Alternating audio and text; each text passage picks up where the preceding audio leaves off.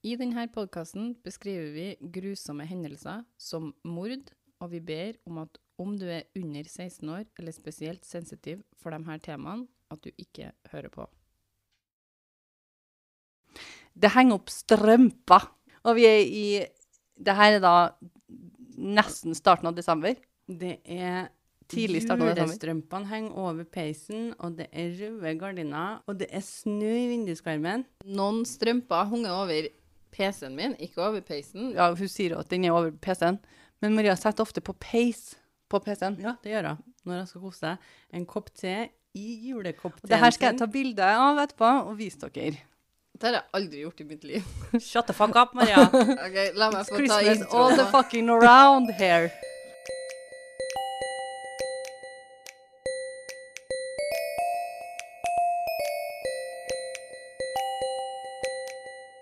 Hei, hei, alle sammen. Dere lytter nå på andre del av julespesialen vår. Jeg er Maria, og her sitter søstrene mine òg. Eh, Rudolf. Og blinken. Og du er kommet. Om du ikke har hørt del én, så gå tilbake og hør den først. Hvis ikke, så kommer ikke denne episoden til å make any sense i det hele tatt. Så gjør det, og så lytt videre på del to. Og nå er vi i um, Vi fortsatte i The huset. Mighty House of Christmas. Mhm. Absolutt. Ikke for noen plass ennå. Og nå har vi til og med fått oss en kopp kaffe i julekoppen. Julekopper, ja. Ja, Another lie. julekopper. Det er litt sånn skum kakaosmak på den. Den kaffen din, da? Ja. Har du, Anis. litt krydra. Har du noen nye kaffebønner? Ja, julekaffe, vet du. Absolutely. OK, vi hopper bare rett inn i den saken her. Maria, kan du ta deg den Rudolf-nessa? Tenkte han på. Og de, de antennene er jo Ja. det som skjer nå. Antennene. Ja, nei, er jingle bell. Hva heter det? Hva heter det de har på Eh, Rhineheads.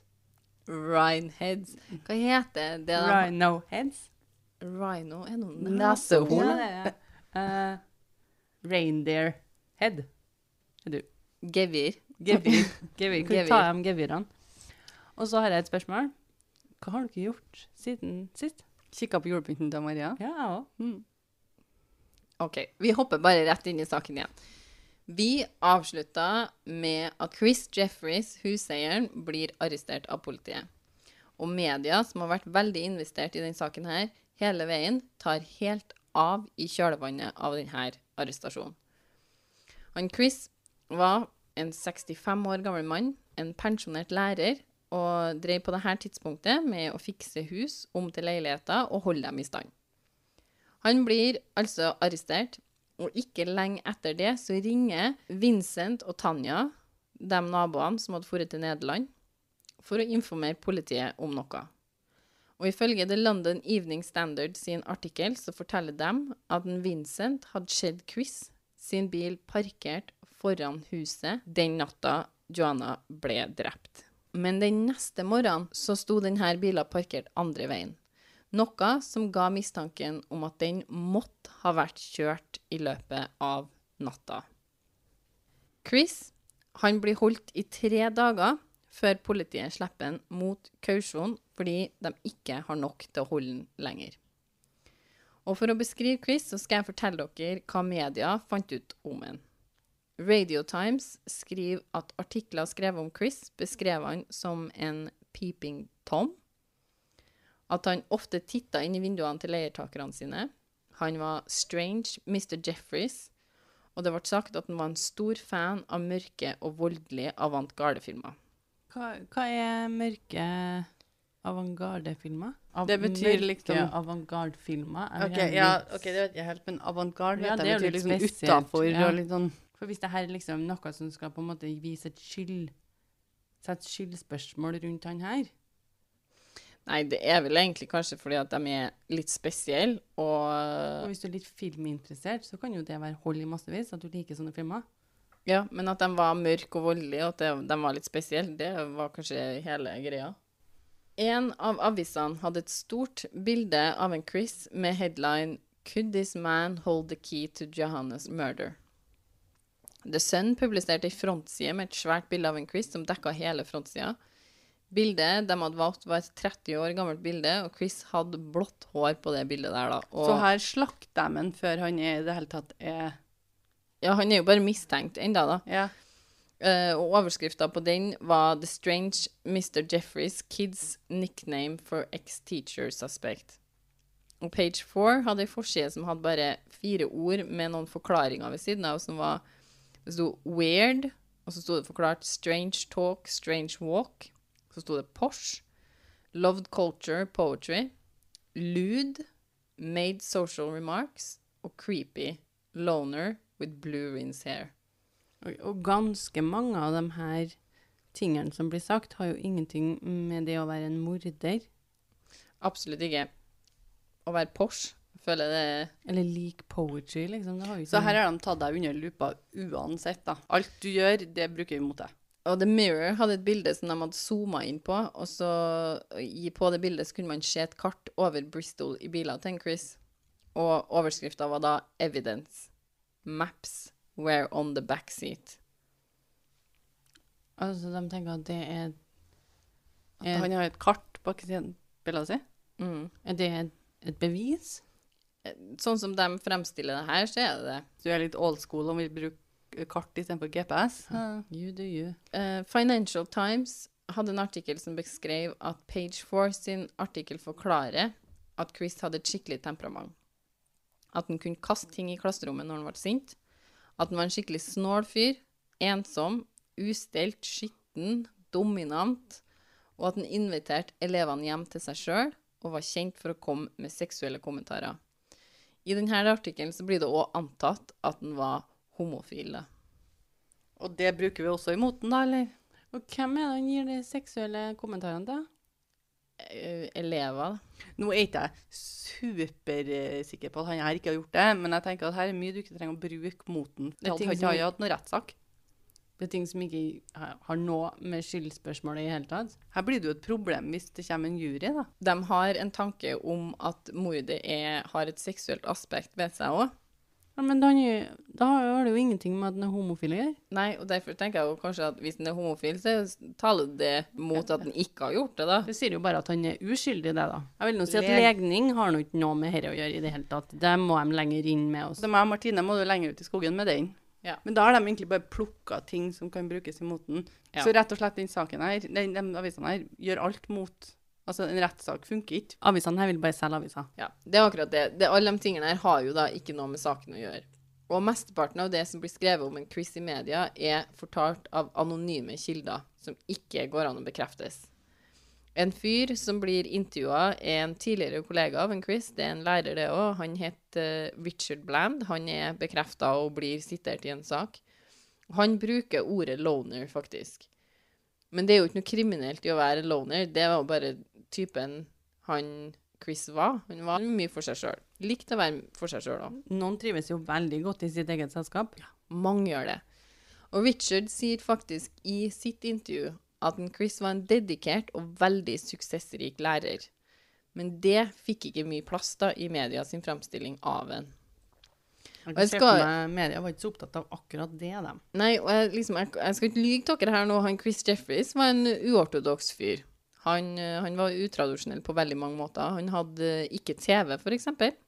Han likte mye bedre å lese bøker, så han gjorde det. Og det er jo det han sier han gjorde den kvelden òg. Han leste ei bok. Um, han leste heller ikke mye nyheter. Han kjøpte bare aviser når det var noe spesielt han ville ha lest. Og så snakka han på en måte som minner veldig om en sånn litt gammeldags uh, britisk fyr, da. Sånn som alle amerikanerne tror engelskmennene prater. Ja.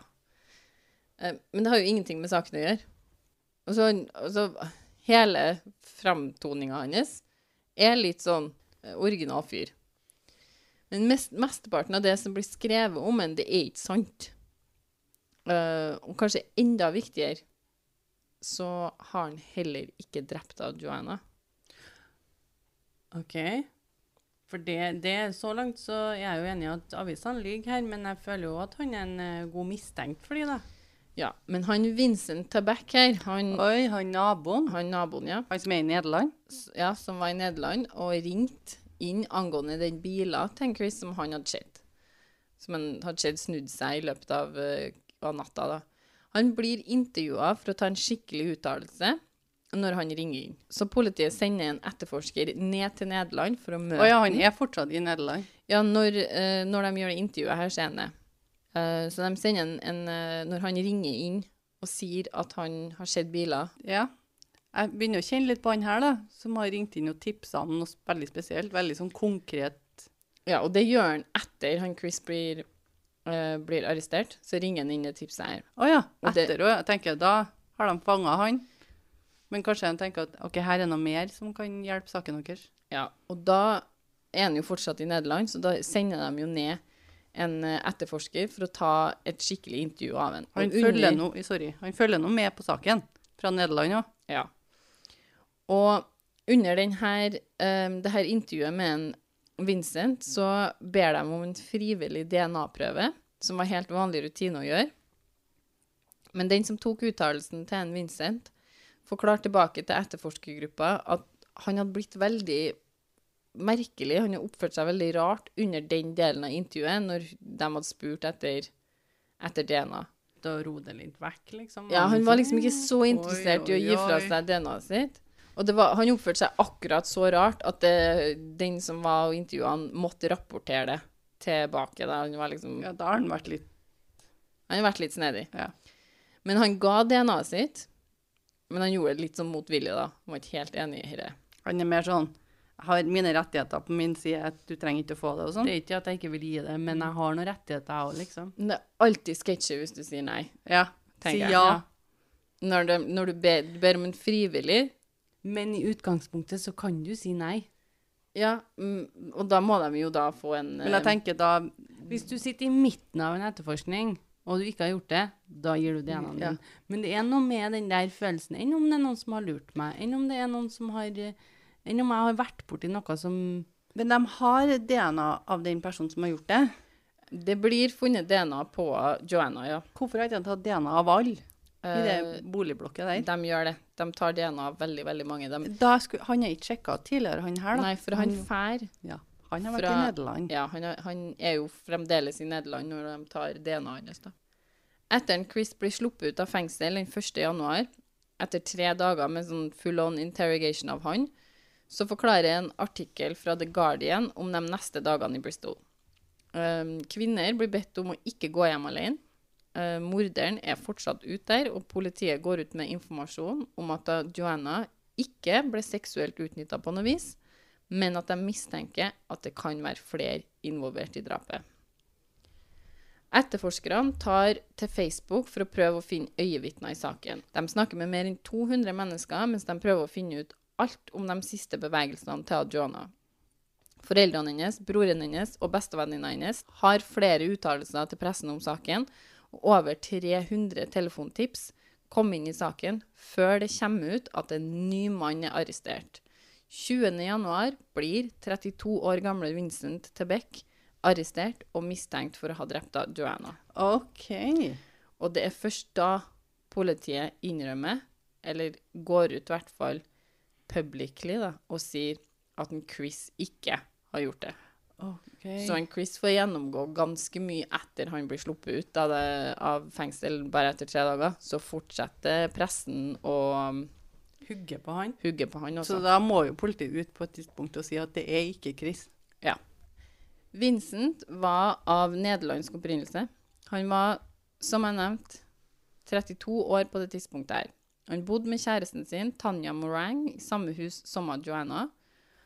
Han hadde bodd i Bath før han flytta til Bristol i 2009. Og i Bristol jobba han for et firma som heter Buro Happold, som var et firma som eh, tilbød ingeniørkonsulter, design, konsulenttjenester for bygninger, infrastruktur og miljø. Så Vincent var med andre ord, som vi tre bedre forstår, en veldig smart mann. Murderpedia sin artikkel om Vincent forklarer at han først utga en skriftlig uttalelse etter å ha sagt no comment til nesten alle spørsmål politiet hadde, og i den uttalelsen sto det at han ikke kjente Johanna. Han hadde aldri hatt kontakt med Johanna, men to dager etter å ha blitt arrestert, er han tiltalt for drapet på henne. Se der, ja. Denne DNA-prøven han ga fra seg når han ble intervjua av politiet, matcher DNA funnet på Joanna. Videre i den artikkelen til Murderpedia står det at etterforskerne måtte bruke en metode som heter DNA Sensi, som på et vis forbedrer ellers ubrukbar DNA gjennom å rense det og konsentrere DNA. De får med andre ord ikke til å stadfeste hvordan DNA det var, altså om det var spytt, sæd eller bare sånn touch-DNA. Men de kunne bekrefte at sjansen for at DNA ikke kom fra Vincent, var mindre enn en milliards sjanse. OK, da har du funnet den, vet du. De finner også ut at Vincent hadde fulgt uh, etterforskninga av at Joanna på PC-en sin nøye. Han hadde også søkt opp Longwood Lane, der hun ble funnet, før hun ble funnet der. Oi.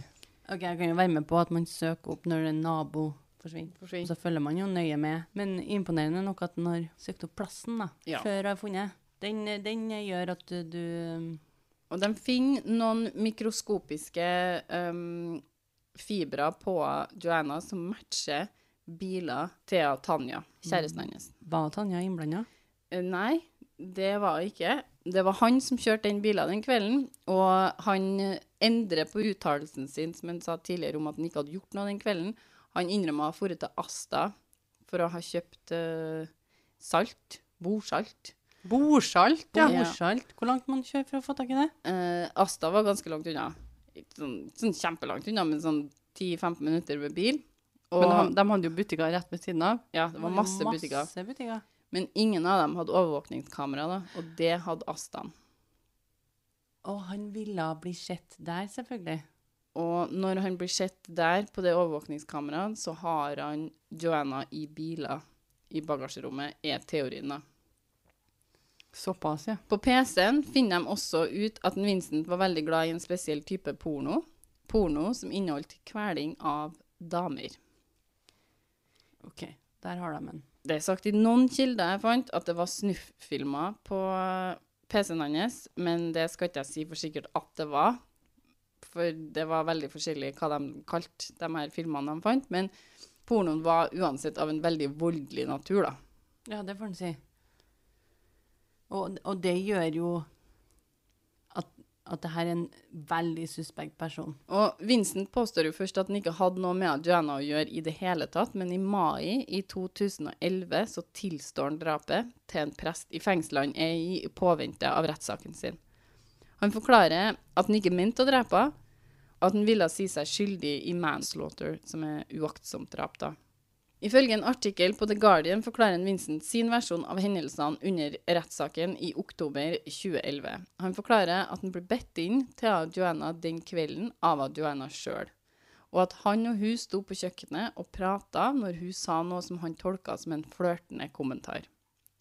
Derfor hadde han prøvd å kysse Joanna, som hun hadde avvist med et skrik. Og han påstår at han prøvde å få henne til å slutte å skrike ved å legge hånda over munnen hennes. Og når han da fjerna hånda, så fortsatte hun å skrike. Selvfølgelig. Derfor putta han hånda tilbake igjen, og den andre hånda greip han rundt halsen hennes med. Men, men det er jo ikke sånn at, at man skriker til hvis noen kommer og, og kysser deg, liksom. Du, da gir du jo beskjed om at det ikke er greit, og vi er ikke Jeg har kjæreste, og kan du gå hjem? Du skriker jo ikke til. Nei. Kanskje hun følte seg veldig trua òg, det vet jeg. Ja, men jeg føler, Ja, at, men jeg føler at historien hans ikke henger helt på greip. Nei, og er at han sitter eh, resten av ukedagene og ser på at folk blir kvalt via porno, liksom. så går ikke han bare Og er prøver å helt- nusse hun her. Ja, og så helt tilfeldig at han, hun her ender opp kvalt. Han sier at det tok ca. 20 sekunder fra han griper rundt halsen hennes da, til hun lå på bakken livløs. Så han går for at det er et uhell, liksom. Ja, det var ikke med vilje. Hun, han drepte henne egentlig ved en feiltagelse. Og alle vet jo, hvis du har hørt nok, eller sett, hørt par, True crime. ja, så vet du at det tar mer enn 10 sekunder. Og 20 kvern, sekunder, ja. 20 ja. sekunder. Det tar minutter. Ja, flere minutter. Og I den rettssaken her så handla det da altså ikke om skyld. For Vincent hadde allerede innrømt at han hadde drept av Joanna. Det her handla om hun var skyldig i drap eller uaktsomt drap. Derfor fikk ikke påtalemyndighetene lov å bruke funnet av voldelig porno i rettssaken. OK, jeg syns jo egentlig at det er litt sånn ting man skal bruke, da, men Ja, men dommeren dømte at det beviset her ville være med og gjøre juryen forutinntatt om en Vincent. Jo, men det er jo liksom karakter Jeg føler det viser jo karakteren til den fyren her. Om det er skyld Altså, om du har vært Det viser jo om en person er forsiktig og gjør noe med selvforsvar, eller om han ikke gjør det. Ja, men dommeren mente at, uh, at hvis dere sier at han var opptatt av porno som, med kveling av kvinnfolk, så blir juryen og drømmen før ha, liksom bevisene er lagt fram, eller han, han får ikke en rettferdig rettssak hvis du legger fram det. Jeg føler at det er et bevis når det er ei dame som ender opp kvalt. Men dommeren mener ikke det. Så når Vincent sjøl vitner, så forklarer han hva som hadde skjedd den kvelden. Og han fremstiller seg sjøl som en veldig vennlig og helt ordinær mann som bare hadde gjort noe litt lite gjennomtenkt den kvelden. Så etter han gjør det, så prøver påtalemyndighetene nok en gang å få uh, bruk funnet fra PC-en som bevis da med denne voldelige pornoen. Men det ble avslått igjen. For det er jo der jeg føler at det beviser at han egentlig har tenkt gjennom det. De tar derimot fram de 43 separate skadene på Joanna, og uh, påtalemyndighetene forklarer at det er umulig at noen kunne ha dødd av bare en 20 sekunders kveling. Og hvor kom da alle skadene fra?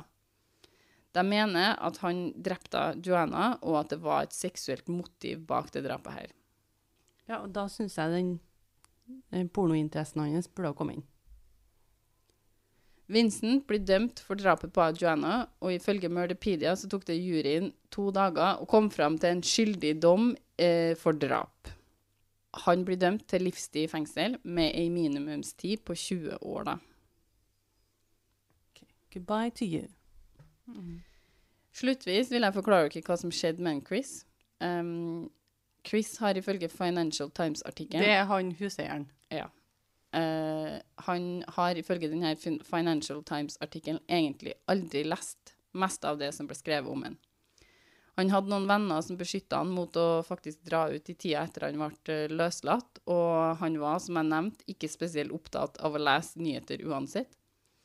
Artikkelen uh, fra Financial Times er skrevet i oktober 2011, sånn rett etter at Vincent omtrent er dømt for det drapet her, da. Og den forklarer at en Chris, han saksøkte til sammen åtte aviser. Det var The Sun, The Daily Mirror, The Sunday Mirror, The Daily Record, The Daily Mail, uh, The Daily Express, og The Daily Star og The Scotsman. Bra for han, bra for han. Advokatene til eierne av de her avisene måtte møte opp i High Court i London, og der måtte de be om forlatelse til en Chris for å ha skrevet artikler som skada hans gode navn og rykte. Det er ikke helt sikkert hvor mye han fikk i erstatning, men artikkelen her sier at det var rundt 500 000 pund. To av avisene, The Sun og The Daily Mirror, blir dømt for forakt for retten fordi de hadde skrevet så grove og dømmende ting om Chris at det hadde vært umulig for han å få en rettferdig rettssak etter det de skrev.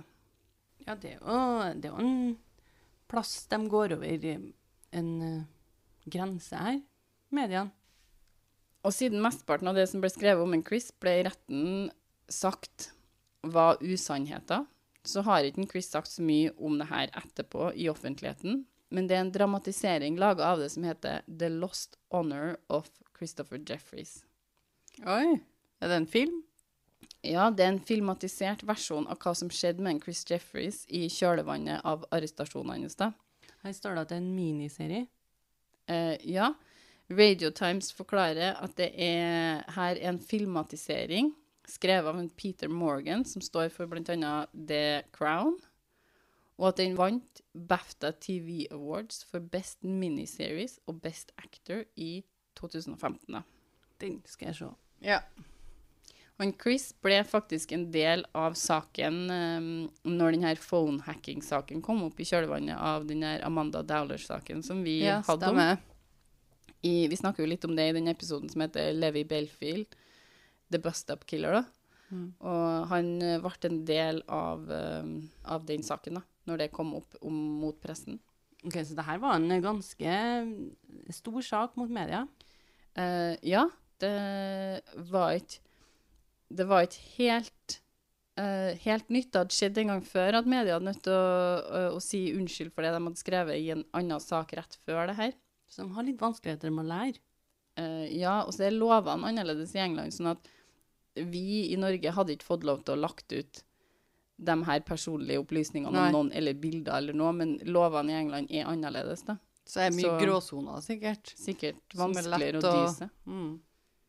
Lett å tråkke litt over. Men det er faktisk folk som tror at det er en Greg som har gjort det her. Er det? Er det? Mm, og at en Vincent var frama. Hæ? Ja, det er faktisk en del um, uh, litt, Men det er litt mer sånn Teorier, liksom? Ja, litt mer sånn alternative teorier på det her, da, at en Vincent egentlig Men enn hun gjorde det. dama til han Vincent her, da? Det, Nei, det er skrevet veldig lite om hun. hun er helt ute av bildet. Altså, hun Ja. hadde ikke noe med den saken å gjøre. Hun var på fest. Og hun, har, hun Mm. visste det her var sjokk til henne. Ja, alle i omgangskretsen til en Vincent var kjempesjokkert når eh, Hvordan For en Vincent sa jo seg skyldig. Ja, han sier jo Ja. seg skyldig i å ha drept henne fordi det var et uhell, da, mener han. Men hvordan kan folk da gå ut og si at Det kan være noen andre. Nei, det er som, i hvert fall en bloggspot som jeg gikk, kom over, en sånn her blogg som har liksom skrevet om den saken her i OK. Altså, det var langt. Jeg fikk ikke lest alt. Jeg skumleste en del, liksom. Men, men hun drar fram en del eh, punkter som er, ikke egentlig er forklart veldig godt i de artiklene jeg har lest, da. Som um, det her med alibiet til Greg, det er aldri blitt bekrefta i pressen om han faktisk var der. Nei, presten var for en gangs skyld ut, litt utafor. ja, og han halv, det var en halvbror som hadde fått de tvillingdøtrene her, da. Han hadde ikke hatt noe mye kontakt med eh, på mange, mange år. Så det var liksom snedig at han plutselig skulle i den dåpen her. Og hvorfor skulle Men ikke det her er Adriana bli med? hennes, hun bloggeren sine Hun setter et lite spørsmålstegn, liksom. Ja, på en del ting. Men hun sier jo heller ikke at han er skyldig. Hun sier bare Hun sier bare at det, det For i hennes verden så ser det mer ut som en Greg er mer skyldig enn en Vincent, da. Er det her noen som kjenner dem her, da? Nei, det tror ikke jeg. Og på justicegap.com, som har en artikkel, da, står det at foreldrene til Joanna, da, David og Teresa, og han Greg ikke lenger har kontakt. OK. Men, Men det kan jo være men det kan jo være andre det, det vil jo si at tida har gått, og Men han, han har jo ikke noe forhold til dem lenger. Altså, han er jo ikke tilknyttet dem lenger. Men. Greg treffer ei ny ei, da. Jo, men ville ikke dette vært jeg, i, Nå snakker jeg jo ut ifra min egen verden. Jeg ser for meg at liksom det her er den lille tilknytninga man har til, Jo. Jo, til det, dattera si. da. det er også en veldig lite ting De her på- har ikke barn sammen eller noe. Altså, det er Nei. ikke noe sånn. De har katta si, da. Nei, ja, men så er det litt vanskelig å henge den skyldgreien på det. Ja, ja, ja. ja. Jeg sier bare at det var en, eh, det var en eh, Her har du jo en mann som har innrømt det. Så jeg tenker Men, men det er jo mange Close case, ja. Som det, innrømmer ting de ikke har gjort. ting de ikke har gjort, så man skal jo være litt forsiktig med det. Men jeg føler jo at han her passer han her har godt inn. DNA. Det DNA Og han. Vincent han hadde òg søkt opp hva forskjellene på manslaughter og drap var, før han sa seg skyldig i manslaughter, for å se Ja. hva kan jeg liksom henge det på, hvordan kan jeg Og han har for å kjørt etter salt til Bordsalt, liksom. Og ikke bare det, men han har jo også søkt på kveling og sånne type Ja. ting som til meg virker veldig lite normalt. jeg, jeg, jeg sier ikke at Vincent ikke har gjort det. Jeg sier, det eneste jeg sier, er at det er folk som tror at han ikke har gjort det. Nei, Men han det- sitter i fengsel fortsatt. Uh, ja. Det var alt vi hadde for denne gangen. Vi avslutter som alltid med følg oss gjerne på Instagram. Å, jeg tenkte du skulle si god jul, jeg. Skal, men det er kanskje ikke det vi sier hver gang. Nei, vi sier ikke det hver gang. Eh, En liten pause på IG. Eller send oss en mail om du vil det, på En liten pausepodkast, krøllalfa, gmail.com. Sammenheng. Vi ønsker dere ei fantastisk jul videre, og godt nyttår. Så høres vi i slutten av januar for sesong to av En liten pause. Gjerne gi tilbakemeldinger. Takk for nå. Ha det! God jul!